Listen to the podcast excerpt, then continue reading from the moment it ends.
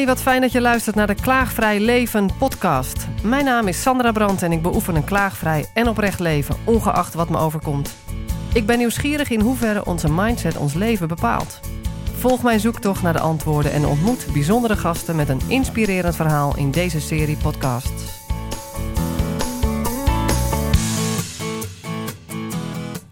Dag, ik ben Bram Bakker. Ik ben psychiater en publicist. Ik schrijf stukjes en columns. Ik doe wat in uitgeverijen, maar vooral ben ik een hardloper. Daar mag je me echt voor wakker maken. Ja?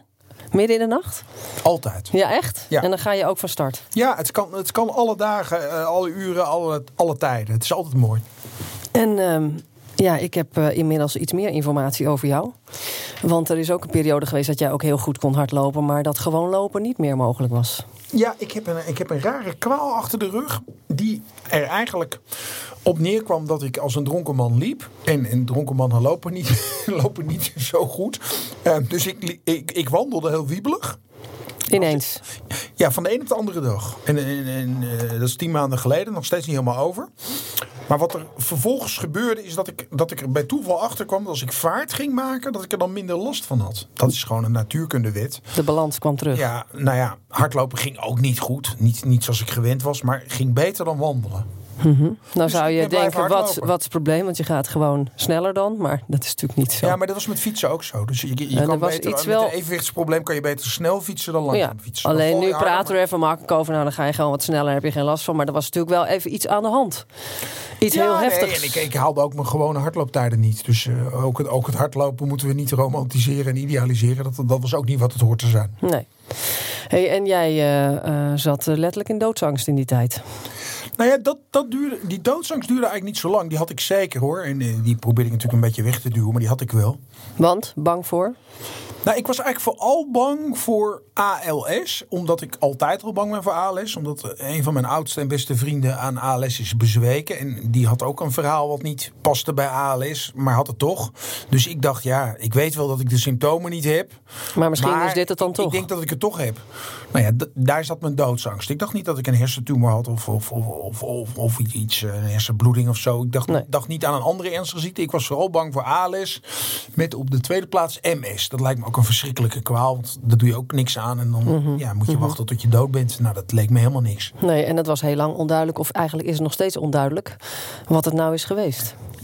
Het is nog steeds onduidelijk. Maar ik wist al heel snel dat ik er niet aan dood zou gaan. Dus er is wel een heleboel ellende is er uitgeschakeld. Wat het niet zou zijn, maar je weet nog steeds niet wat het wel is. Nou ja, wat, wat, wat dokters doen en ook de dokters die mij hebben onderzocht, is die gaan testen wat het zou kunnen zijn. En die beginnen bij statistisch het meest waarschijnlijk. En vervolgens zakken ze steeds verder. Dus de oorzaken worden steeds minder waarschijnlijk. Het uitsluiten daarvan wordt steeds duurder. Ook een rare paradox. en ehm, op een gegeven moment ging ik er maar op vertrouwen dat ik een zeldzame complicatie van de griep had. Want daar paste het beeld bij.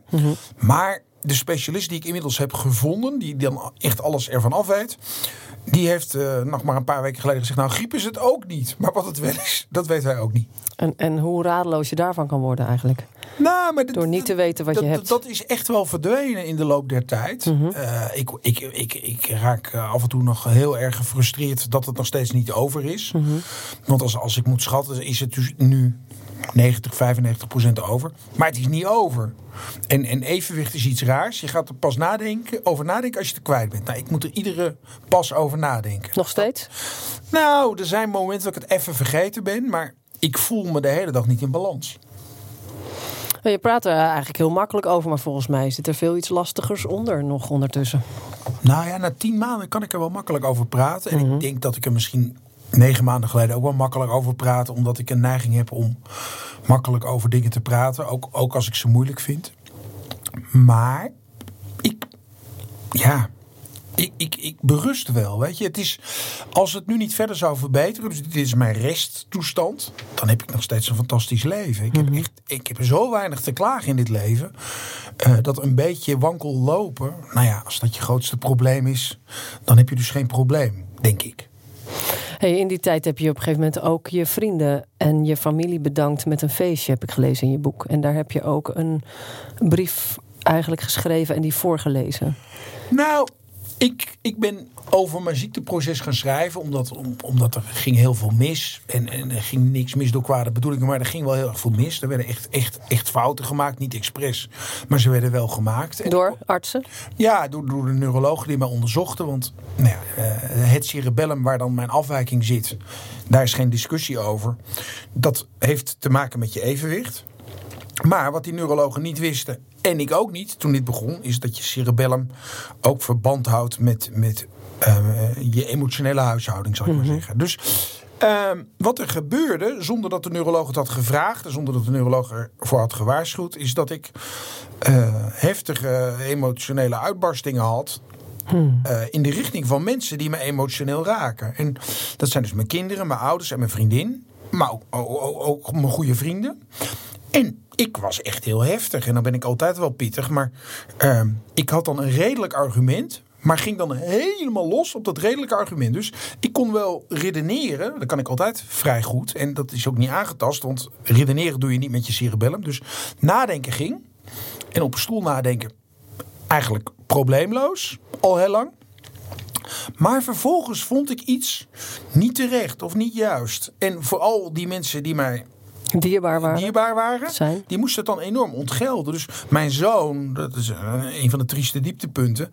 Mijn zoon jat op een gegeven moment de oortjes van de telefoon van mijn dochter. Nou, dat moet hij niet doen. Weet je, geen, geen discussie over mogelijk. En iedere vader moet die zoon daar even mee confronteren. Maar wat ik deed, ik ging helemaal los in het bijzijn van mijn ouders en zijn zussen, zijn oudere broer en een vriendje wat hij mee had. En het was op vakantie. En je zag iedereen kijken van wat is hier aan de hand? En Compleet uit verhouding eigenlijk. Ja, en ik, ik had geen flauw idee. Want ik dacht, waarom pakt hij nou die oortjes? Dus jij had ook niet een idee van jouw eigen gedrag op dat moment dat het uit verhouding was? Op dat moment? Nou ja, in het, in het proces gebeurt het dan zo dat je op een gegeven moment je realiseert dat daar iets misgaat. Ja. En toen ik er middenin zat, had ik niet eens dat besef. Dus eh, ik dacht altijd maar dat ik redelijk was. Ik was, was niet, niet harder voor mijn vriendin. Maar ik vond dan dat zij dingen verkeerd deed. En dat ging ik haar dan op een niet al te prettige manier laten weten. Dan dacht mm zij, ja, uh, ga een eindje fietsen. Daar, heb ik, daar zit ik niet op te wachten. En dan snapte ik niet waarom zij zei, ga lekker naar je eigen huis. En, uh, dat was puur dus een, uit, een uitvloeisel van de aandoening die je had. Nou ja, dat denk ik. Ja. Maar dat weet ik ook niet zeker. Nee, dat is natuurlijk waar je mee moet leven. Je en, weet en je kwam met dit verhaal toen ik je vertelde dat je een, een dag had georganiseerd voor je vrienden en je familie om te bedanken. Wat heeft dit verhaal ermee te maken? Omdat je inzag van hé, hey, nou, wat is daar gebeurd? Daar moet ik iets mee? Die, die, dag, uh, ik, ik heb een borrel gehouden in juli uh, voor al die mensen, omdat ik toen al dacht, nou nu is het wel over. Weet je, maart tot en met juli, dat vond ik al lang. Jij dacht zelf, nou moet het maar zo over zijn. Ja, precies. Ja. En toen ging ik uh, dat boek maken. En dat boek, daar was ik in september mee klaar. En toen ging ik bij mijn verjaardag in oktober weer voor al die mensen een boekpresentatie houden. En, en, en toespraak en ze bedanken. En uh, dacht ik dat het voorbij was. Nou ja, we zijn nu eind januari het is nog steeds niet voorbij. Nee, ik mag, maar mag die lezen? Ja, tuurlijk. Die uitbarstingen je, zijn weg. Je, je, hebt die brief in, in, dat, in, je, in je boek staan. Het boek ja. De dokter als patiënt. Um, ja, jij, jij dankt daar mensen in, je vriendin in. En daarna zeg je... Uh, dit op papier laten verschijnen is een primeur en het schaamrood staat me op de kaken. Maar het is wel wat ik wil. Ook al ben ik nog lang niet goed in het uiten van mijn afhankelijkheid. En ga ik dat misschien ook wel nooit worden. Het valt niet mee om in iets wat je altijd als een zwakte hebt gezien ook de kracht te ontdekken. En daar wil ik het je zo met je over hebben. Want wat is zwakte en wat is kracht voor jou? Wat heb jij als, altijd als zwakte gezien? Nou, ik, ik, ik denk het belangrijkste is, en dat, dat, heb ik ontdekt, en misschien dat ik het al wel vond, maar ik heb het nu dan ook ervaren, dat in je zwakte en je kwetsbaarheid tonen ook kracht zit. Dus dat, dat, dat, er, dat er niet een soort raar contrast bestaat. Dus aan de ene kant ben je wel zwak en aan de andere kant moet je vooral sterk zijn. Nee, die, die, die twee hangen met elkaar samen. Die, die, die, die, dat zijn verschillende kanten van dezelfde medaille. En de medaille ben jij. Dus uh, je kan ook uit kracht je zwakte tonen. En in dit geval, uh, als ik het goed lees, vind je het afhankelijk zijn van mensen, heb je dat als, als zwakte gezien? Ja, kijk, ik. Uh, in, Voor jezelf? In, in, de marge van dit verhaal had ik ook allemaal depressieve klachten. En, uh, dus ik had verschijnselen bij een depressie horen. En toen dacht ik en dachten mensen om me heen... ja, misschien heeft Bram nu ook wel een depressie... na alles wat er gebeurd is. En wat er gebeurde is onder andere dat ik uit een relatie kwam, voordat ik ziek werd al, die 20 jaar heeft geduurd. Met, uh, met, met, met een, een, lieve, knappe, slimme vrouw. Die moeder is uh, van twee van mijn kinderen. Uh, maar in die relatie, denk ik, hey, ik praat voor mezelf. Uh, had zwakte geen plek. Want zij, zij is hoogleraar en ze is sterk. En, en ik, uh, ik was ook sterk alleen maar. En naar elkaar waren wij ook vooral sterk. Dus um, zij was niet van mij afhankelijk en ik niet van haar. En dat was denk ik precies het probleem. Waardoor het op een bepaald niveau bleef hangen. Mm -hmm. En nou ja, vervolgens ben ik eruit gestapt. En leer ik iemand anders kennen en krijg een ander soort relatie waarin dat geen taboe is. En uh, ik, ik, ik, ik, ik, dat leer verdragen en me daarvoor open leer te stellen. En, Wat leer je verdragen? Nou, dat ik afhankelijk ben van mijn vriendin op sommige punten. En, mm -hmm. en, en, dat ik me in haar bijzijn zwak kan voelen. Of dat ik kan denken, jezus. Nou, je moest ook wel vorig jaar toen je ziek was.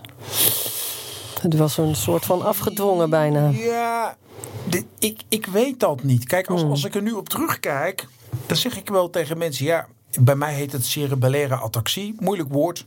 Maar het effect is precies hetzelfde als wanneer je een burn-out krijgt. En daar heeft iedereen een beeld bij. Namelijk, ja. ineens gaat het niet meer. Mm -hmm. En je weet niet hoe lang het gaat duren, maar het gaat lang duren. Nou, uh, bij burn-out is het gemiddeld negen maanden. Ik ben nu tien maanden onderweg.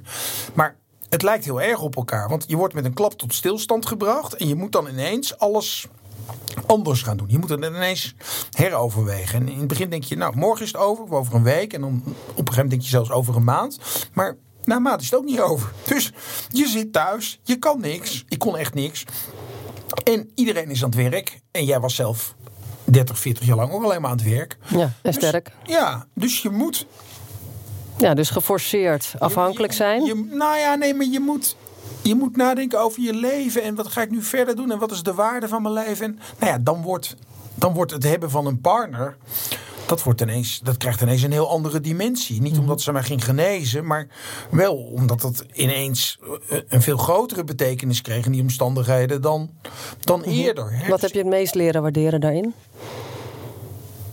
Nou, gewoon het leven, denk ik. Hoe fijn het is dat je, dat je niet doodgaat. Ik heb, uh -huh. uh, ik heb ook nog eens een keer in, in twee jaar tijd vijf vrienden verloren. Echt niet, niet kennissen, maar vrienden. Mannen van mijn leeftijd die doodgingen. Zo, ja. Uh, en en waar, waar ik echt goed mee was. Dus op Heftig. het niveau van een praatje op de uitvaart. Hè? vijf keer. Nou, uh, dan denk je vijf keer, god, dat had ik ook kunnen zijn. Ja. Ik ben blij In dat ik twee jaar ben. tijd. Ja. Nou ja, um, vervolgens, hè, die, die, vriend die doodging aan ALS. Ik zei altijd tegen hem, doe een beetje rustig aan. Want hij leefde heel erg net als ik. Uh, hij ging dood. Nou, uh, toen hij ziek werd, ging hij rustig aan doen. Dus relatief waren de laatste anderhalf jaar van zijn leven... hij heeft anderhalf jaar ziek geweest... Mhm. Waren relatief goed, omdat hij toen echt de stekker uit al zijn werk heeft gestopt en is gaan leven met zijn, met zijn vrouw en zijn kinderen en Mhm. wat hij nog wilde doen. En, nou ja, hij was gehandicapt door de ALS, maar hij leefde. En vervolgens was hij dood. Toen schreef ik, schreef ik een boek over hem, want ik schrijf Mhm. boeken om, hè, om dingen te verwerken.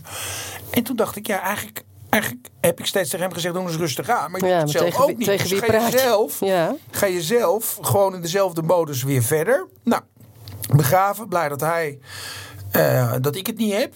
En, en uh, dankbaar, uh, Mhm. want het had mij ook kunnen overkomen. Dus iedere dag dat ik chagrijnig ben, denk ik, Gerrit is dood. Wat lul ik nou, weet je? Uh, ik, ik kan klagen dat... het. Maar daar zit ook een valkuil in. Dat je namelijk altijd weer door moet. En kop op en, ja, en nee, doorknallen. Goed, nee, maar daar gaan we naartoe. Hmm. ik had deze kwaal nodig om me te realiseren... dat andere waardes in dit, in, in dit leven van mij... Uh, belangrijker zijn. Ja. Dus, dus dat Noem eens er een paar voor degene die die ziekte niet hoeven te krijgen dan. Nou, om daarachter te komen. Ik, ik, ik, heb wel gewoon altijd 80 of 100 uur per week gewerkt. Mhm. Nou, dat is eigenlijk vrij onzinnig. Dat doe ik nu niet meer. Nee. Uh, ik heb altijd meer projecten gehad dan ik aankon. Ik zei altijd ja voor ik had bedacht dat ik beter nee kon zeggen. Mhm. Ja. ja. Gewoon meer rust, meer meer rust creëren in je leven. Ja, en beter nadenken over wat je wel en niet doet. En, en dus veel meer niet doen. En meer niet doen betekent minder werken, meer nee zeggen? Of waar, ja, waar zit het hem in? Minder werken is ook meer nee zeggen. Ja. ja. En, en, wat ik merkte op de weg naar de studio vandaag is dat ik opeens echt even besefte waar ik reed en hoe mooi de lucht was en, uh, en het licht. Normaliter ben ik eigenlijk van A naar B aan het uh, racen, om, uh, omdat dat het doel is om te komen. Hoe is dat voor jou? Zijn er dingen in het dagelijks leven veranderd in beleving? Ja, Sinds een zeker, jaar? zeker zijn er dingen veranderd. Ik, misschien dat ik het nog wel het meest merk aan het hardlopen. Want uh, ik, ik was een prestatiegerichte hardloper. Dus ik keek op mijn app hoe hard ik ging. En volgens schroefde ik het tempo op. Of uh, deed ik een intervalletje, weet ik veel. Was dat competitie met jezelf? Ja, en, en, en, dat was onschuldig. Want het was competitie met mezelf. Dus het, het was van mij. En het, het zegt niemand wat hoe lang ik over een marathon doe. Dus uh-huh. ik had ook helemaal niet de pretentie dat ik daar iets aan kon ontlenen. Ik deed het voor mezelf. Maar ik deed het wel competitief. Nou, toen ik, toen ik die kwaal kreeg, uh-huh.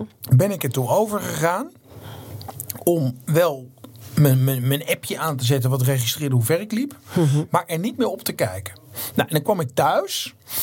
En dan ging ik kijken hoe ver ik had gelopen en met, welke gemiddelde, uh, met welk gemiddeld tempo per kilometer. Nou, dat was veel lager dan ik gewend was. Maar ik zag onderweg veel meer. Ik was veel minder bezig met mijn scoren dan met het waarnemen. En inmiddels loop ik harder dan voor mijn ziekte, omdat ik, omdat ik zo hard getraind heb. Uh, dus kijk ik af en toe wel weer op dat ding. Maar ik zie onderweg veel meer. Mm-hmm. ik, ik, stop om een fotootje te maken. Dus ik... Oh, dat zegt heel wat dan. Ja, dat je zelf stopt om een fotootje te nou maken. Ja, dan gaat je gemiddelde tijd omhoog. Maar als het, als het echt heel mooi is, dan wil ik toch liever een fotootje maken tegenwoordig. Ja, lijkt me wel. Dus wat is er eigenlijk belangrijk? Gaat het om steeds sneller, steeds beter te worden fysiek? Nou ja, kijk, dat, dat, is een ingewikkelde. Kijk, uh, voor een man van 55, en dat ben ik gewoon, kan ik, kan ik nog best hard lopen. En uh, ik ben ook ijdel. Dus ik wil ook. Daar ben je trots op. Nou ja.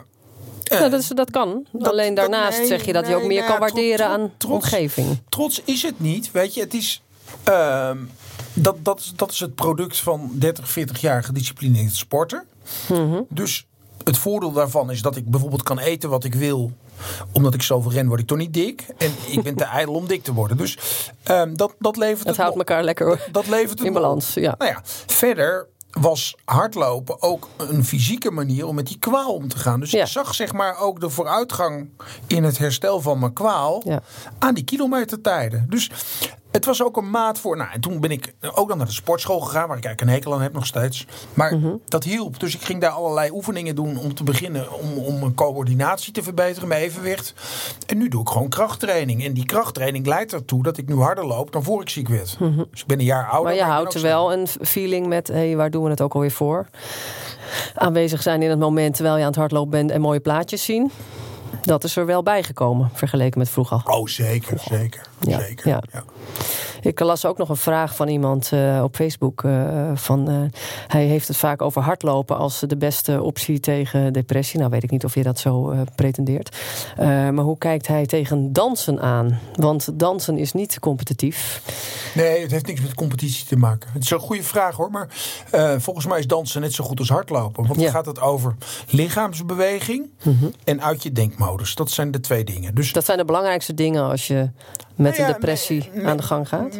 Mensen in Nederland, heden ten dagen, meer dan 90 procent, ik gok ook jij, heeft wel eens last van piekeren. Dat betekent activiteit van je hersenschors. Nou, uh, wat we weten is dat lichaamsbeweging mm -hmm. en piekeren, dat gaat niet gaat samen. niet samen, je stopt er gewoon mee. Ja, dus het is een piekerstop. Nou, of je dat met dansen of met fietsen of met zwemmen of... Als het maar lichamelijk beweging is voornamelijk? Nou, met muziek kan het ook. Ja. Dan heb je, heb je uh, het probleem van de lichaamsbeweging niet getackeld. Dus je kan heel goed ontspannen achter een schaakbord of een piano. Ja. Dus uit je denkmodus komen, dat is prima.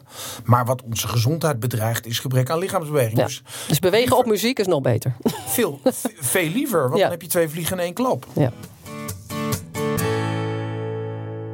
Uh, Bram, ik vind het uh, tof om je uh, ja, wat echter te leren kennen. Ik heb ook wel eens horen zeggen: ja, Bram, ego, mannetje en makkelijk oordelend.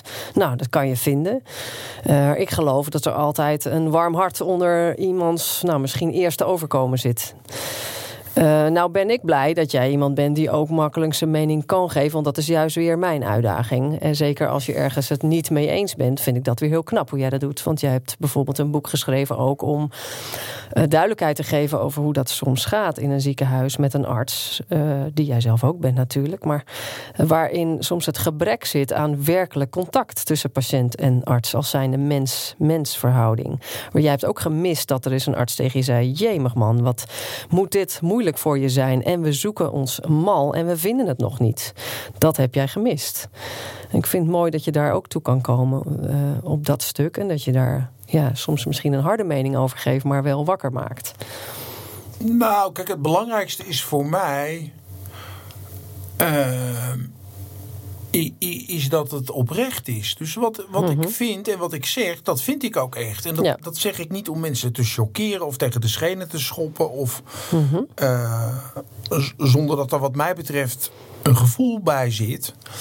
En kijk, wat, wat ik vermoeiend vind, laat ik daar geen geheim van maken, is dat de mensen die mij niet moeten bijna alleen maar mensen zijn die mij niet kennen. Weet je, als, als, als, als ik door mijn collega's word uitgekotst, nou ja, dan moet ik achter mijn oren gaan krabben. Maar mijn collega's snappen heel goed dat ik een mening heb en dingen doe mhm. die losstaan van wie ik als collega ben. Mhm. Eh, iedereen, uh, iedereen mag vinden dat ik een ego heb. En ongetwijfeld heb ik ook meer ego dan het gemiddelde. Maar als ik in teamverband uh, mijn werk doe, of het nou uitgeverij is of, of, of, psychiater zijn, dan hou ik van teamverband. Hou ik helemaal niet van uh, de bovenste plek op de apenrots. Dan hou ik van inhoudelijk met elkaar sparren. En dan heeft iedereen zijn eigen kwaliteiten. En, nou, nou, en ik vind het ook mooi dat je opkomt voor de patiënt in het algemeen. Uh, voor het werkelijk als mens te worden benaderd. Dus de zachte kant daarin eigenlijk. Dat dat meer naar voren mag komen vanuit nou de medici. Dat is, natuurlijk helemaal misgegaan in de zorg. En dat, dat heb ik nog eens een keer aan de lijve ervaren, hoewel ik het al veel langer roep. Uh, zorg is geen massaproduct. Protocollen, allemaal prima als het, als het iets toevoegt.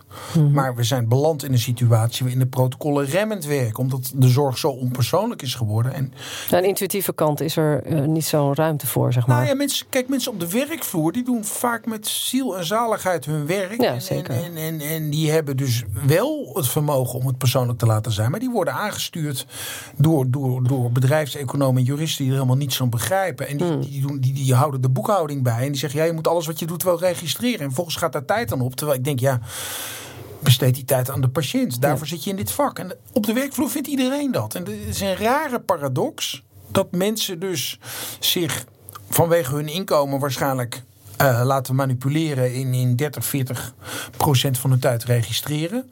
Terwijl wat zij willen en wat die patiënt wil, is helemaal niet registreren. Dat is contact. Dat is persoonlijk. Ja, dus eigenlijk ga je ervan uit, ik ook, dat zowel uh, mensen die werken in de zorg als de patiënten een, een gemeenschappelijke wens hebben om werkelijk contact te hebben en samen naar een optimale situatie te gaan. Kijk, eh, het is heel simpel. De zorg is gegijzeld door mensen die niet uit de zorg komen. Dus mhm. de bedrijfseconomen en juristen die zullen het ongetwijfeld goed bedoelen.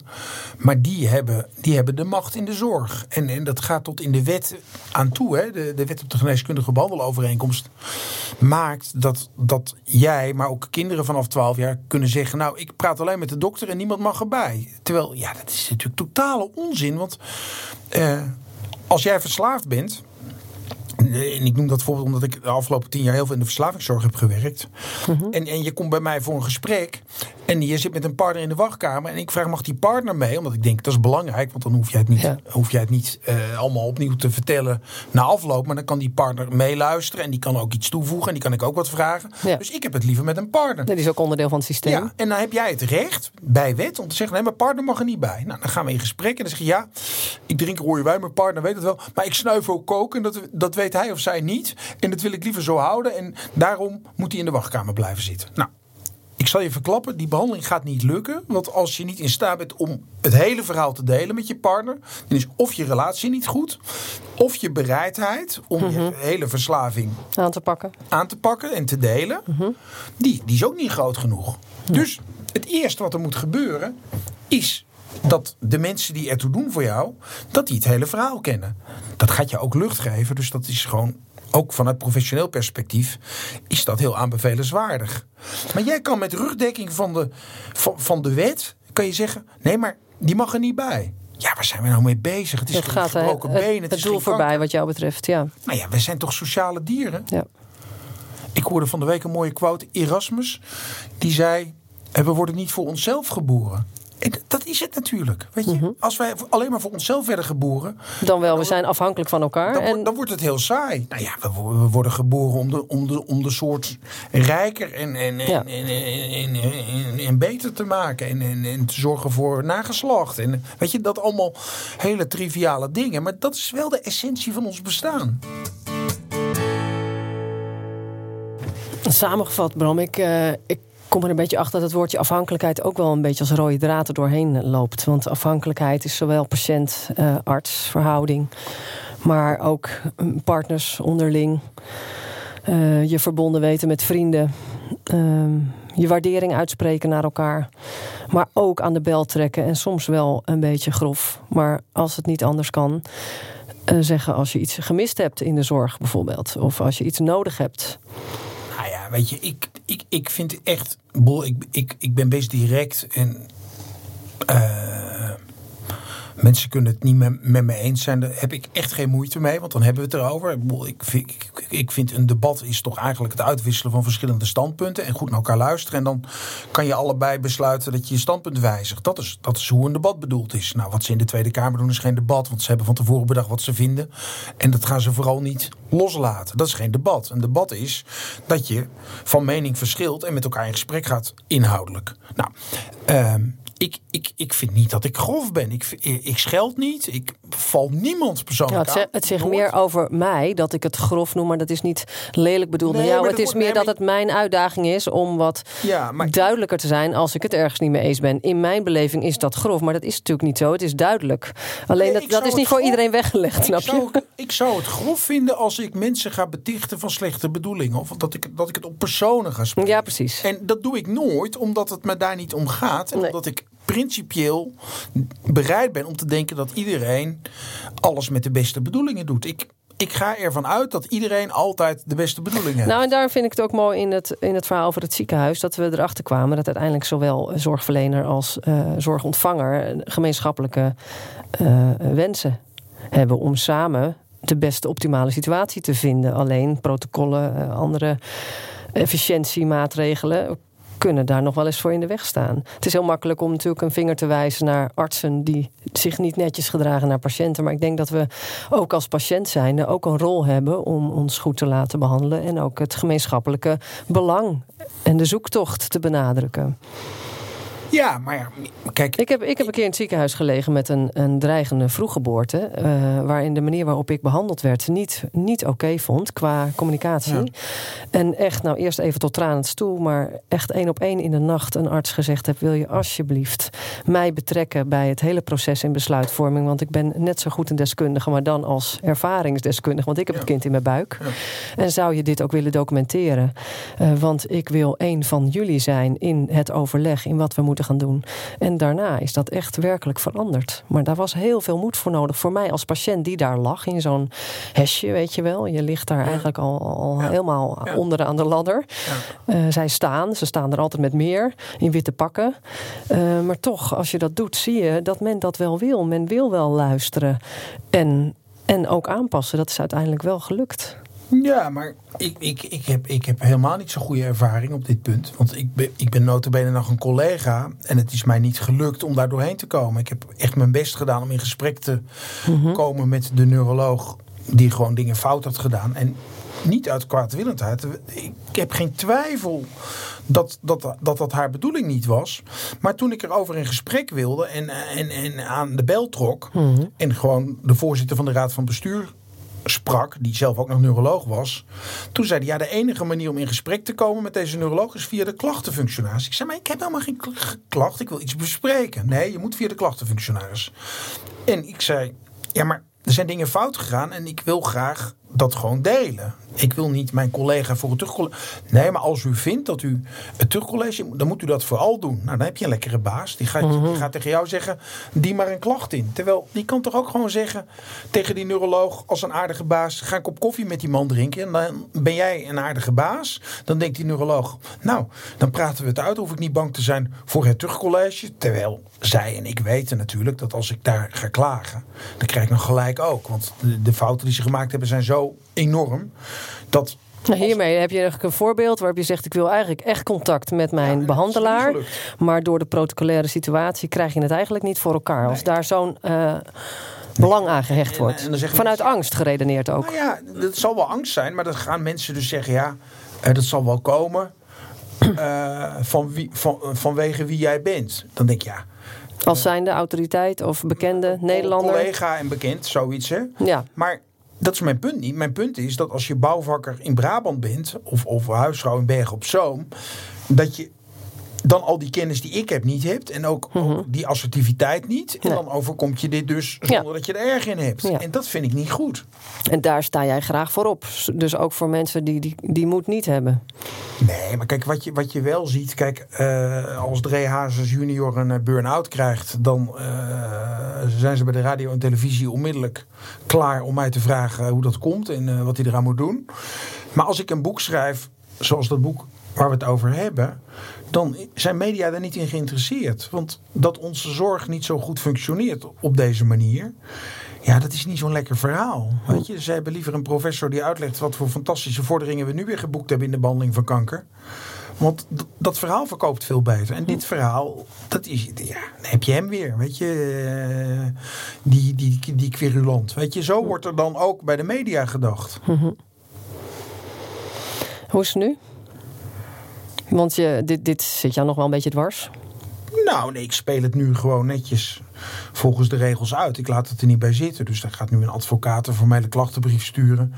Er zijn duizenden euro's over de balk gegooid. Die moeten terugkomen, vind ik niet naar mij. Maar dus je stapt in de procedures ja, toch wel? Ja, ik stap nu in de procedure. En, en eh, bij alles ga ik... Kost dat niet onwijs veel energie, dit soort dingen?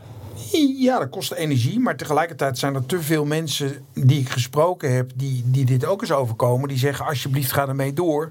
Want je mhm. doet het ook voor mij. Ja, precies. Dus daarin gebruik je op een positieve manier je bekende Nederlanderschap, zeg maar. Nou, Om ook voor anderen op de bres te springen, is dat het? Nee, maar kijk, hier, hier, gaat het ook zo dat de krant zegt... als je een terugprocedure indient, laat het ons weten... want dan schrijven we er een stukje over. Dus die mhm. krant, die, krant die, die, die, stelt zich ook niet op van... Uh, er gaat hier iets helemaal mis of, of, of, deze man heeft een verhaal... wat interessant en relevant is. Volgens mhm. mij wel, maar het gaat niet om mij. Hè? Het gaat niet om de inhoud in dit geval. Maar kijk, ze vinden het interessant als ik een klacht ga indienen. Net zoals het interessant zouden vinden... als je directeur van een verslavingskliniek bent... en je wordt dronken achter ja, de auto vandaan gehaald. Ja dan is het ineens interessant. Ja. Hm. Heb je een vraag voor mij? Nou, kijk, jij, jij zit er positief in. En dat is fijn en goed. En je noemt dan een voorbeeld van een situatie waarin het jou gelukt is die menselijke maat wel terug te krijgen. Nou, ik heb ook een situatie in datzelfde ziekenhuisverhaal waarin dat niet lukte. Ja, nou ja, mijn vraag is: eigenlijk, als je, als je nou dat boekje leest hè, over mijn patiëntervaringen. Ehm, wat roept dat dan bij jou op? Dus ik ben eigenlijk benieuwd wat jij er dan van vindt. Of je dan denkt van dat herken ik, of dat vind ik overdreven. Of, uh, nou, nou ik, heb, ik heb daarin ook een situatie gehad waarbij een gynaecoloog. Uh, die, die, ik, ik had dus een vroeg, eh, hoe zeg je dat? Een uh, dreigende vroeggeboorte. En ik wist dat er in een ander ziekenhuis een test is om te kijken of je werkelijk aan het bevallen bent. Ik heb daar de gynaecoloog gesproken in het ziekenhuis waar ik lag. En die zei: nee, daar gaan we niet aan beginnen. En die liep weg. En dat was een situatie waarin ik helemaal niet tevreden was. Maar ik dacht: hoe doe ik dit nou klaagvrij? ik wil en uh, met respect behandeld worden. En als alles mogelijk was, wat zou ik dan doen? Dat is een manier voor mij om te dromen, zeg maar.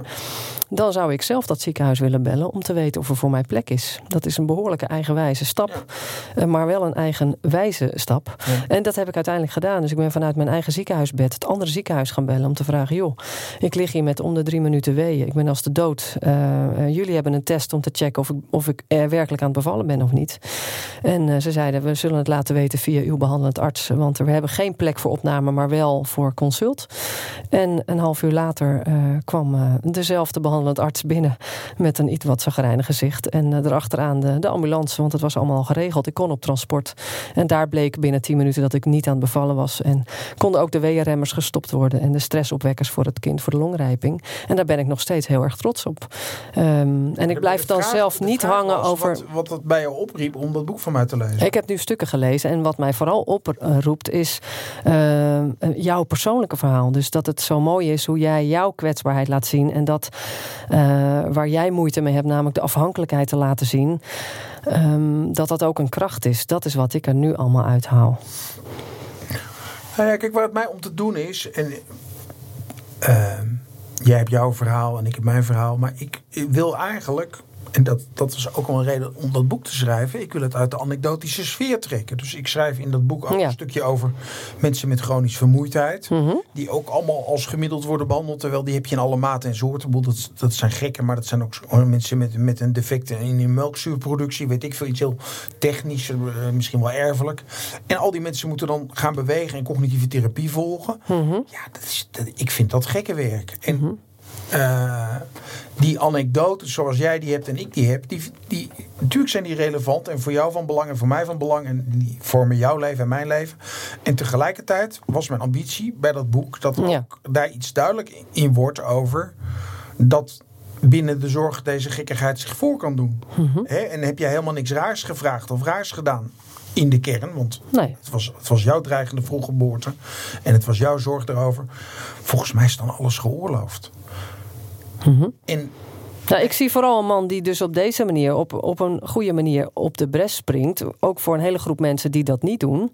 Maar die wel met dit soort verhalen lopen dat het ergens niet klopt wat er is gebeurd. En dan dat ben ik blij ik, dat ja. jij dat oppakt. Dat is wat het bij mij oproept. Ja. Ik doe het niet. Dus ik ga daar me nu ook niet helemaal op richten op wat er allemaal mis is in de zorg. Want ik ga er ook niks mee doen, snap je? En dan is het zonde van mijn energie als ik aan allerlei dingen ga denken wat er allemaal niet klopt in de zorg. Want ik doe er ook niks mee. En dat is zonde van mijn energie, snap je? En ondertussen ben ik blij dat ik jou een podium kan geven.